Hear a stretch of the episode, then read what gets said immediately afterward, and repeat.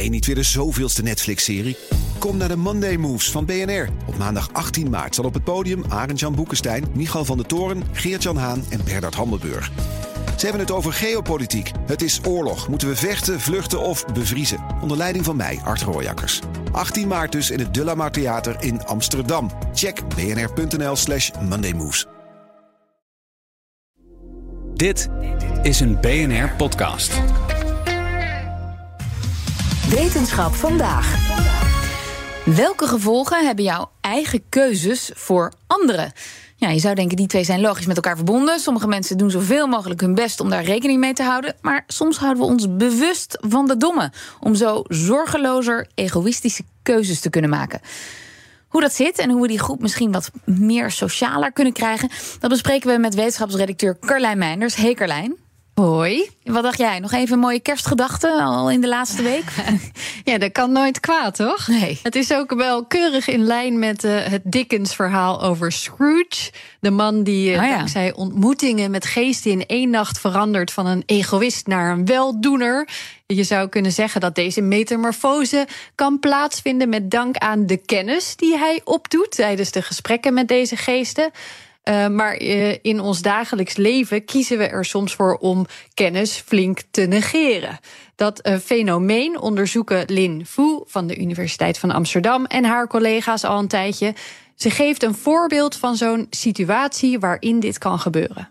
Think about going to a restaurant, right? Sometimes you want to treat yourself and have a very nice juicy steak, but having a juicy steak every day would have a lot of consequences, not for just animal welfare, but also for the environment. Aha, dus daar, als je dan uh, uit het menu iets kan kiezen, dan doen we even alsof we het allemaal niet weten. Ja, of we kiezen ervoor om het niet uit te zoeken. Om, uh, omdat we misschien al wel inschatten dat als we erachter komen hoe het zit, dat we dan niet de juiste keuzes aan het maken zijn. We have a feeling that this behavior might be more common than we think, more widespread, not in just, you know, the meal area, but in other aspects as well, like shopping, like flying.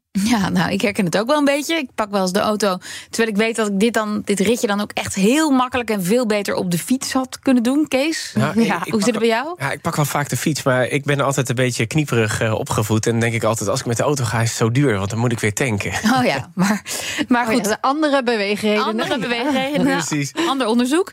Maar hier in dit onderzoek, hè, dus, dus een beetje ons van de domme houden, dat gebeurt vaker dan we doorhebben? Ja, daar waren ze heel erg benieuwd naar. Uh, dat vermoeden hadden ze. Dus wat hebben ze gedaan? Er bestaan heel veel studies over het maken van egoïstische keuzes.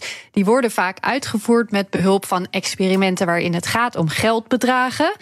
Uh, die experimenten zijn niet allemaal exact hetzelfde, maar toch is het ze gelukt om daar een soort gemiddelde les uit te trekken. Oké, en heb je een voorbeeld van zo'n experiment? Ja, zeker. zeker. Deelnemers worden vaak in een team van twee gezet, zonder elkaar te zien.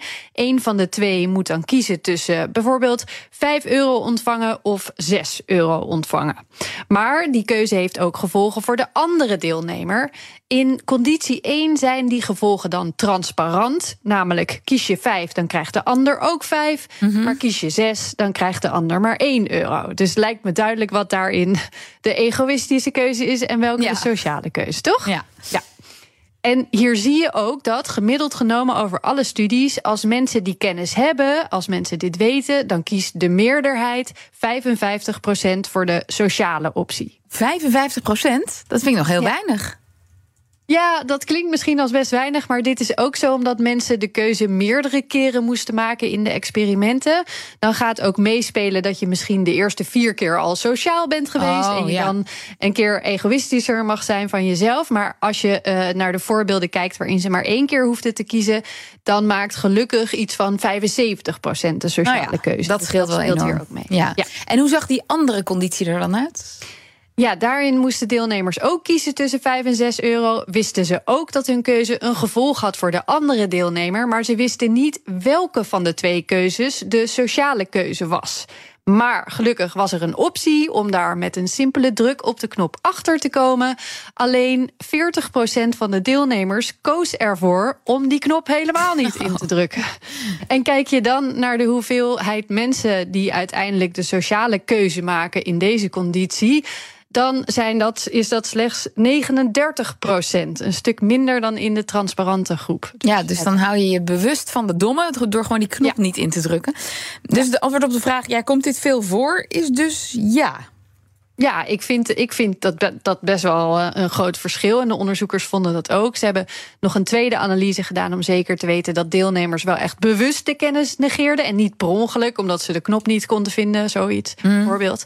Uh, maar nu ze weten dat onwetendheid op deze manier een effect kan hebben, is het natuurlijk interessant om te kijken wat zou in het dagelijks leven de beste manier zijn om aan deze groep iets te doen. If we can force information on people chances are they will do the right thing. Of course, there's always this philosophical question of how ethical it would be to force people to know everything all the time. So, one thing that we can do is try not to frame every decision in such a strong moralistic sense. Ja, wat bedoelt ze daar precies mee? Wat, wat is ethisch, wat is niet ethisch? Ja, eh, eh, mensen dwingen om de kennis over alles de hele tijd te hebben, is dan niet zo ethisch, zegt ze hier.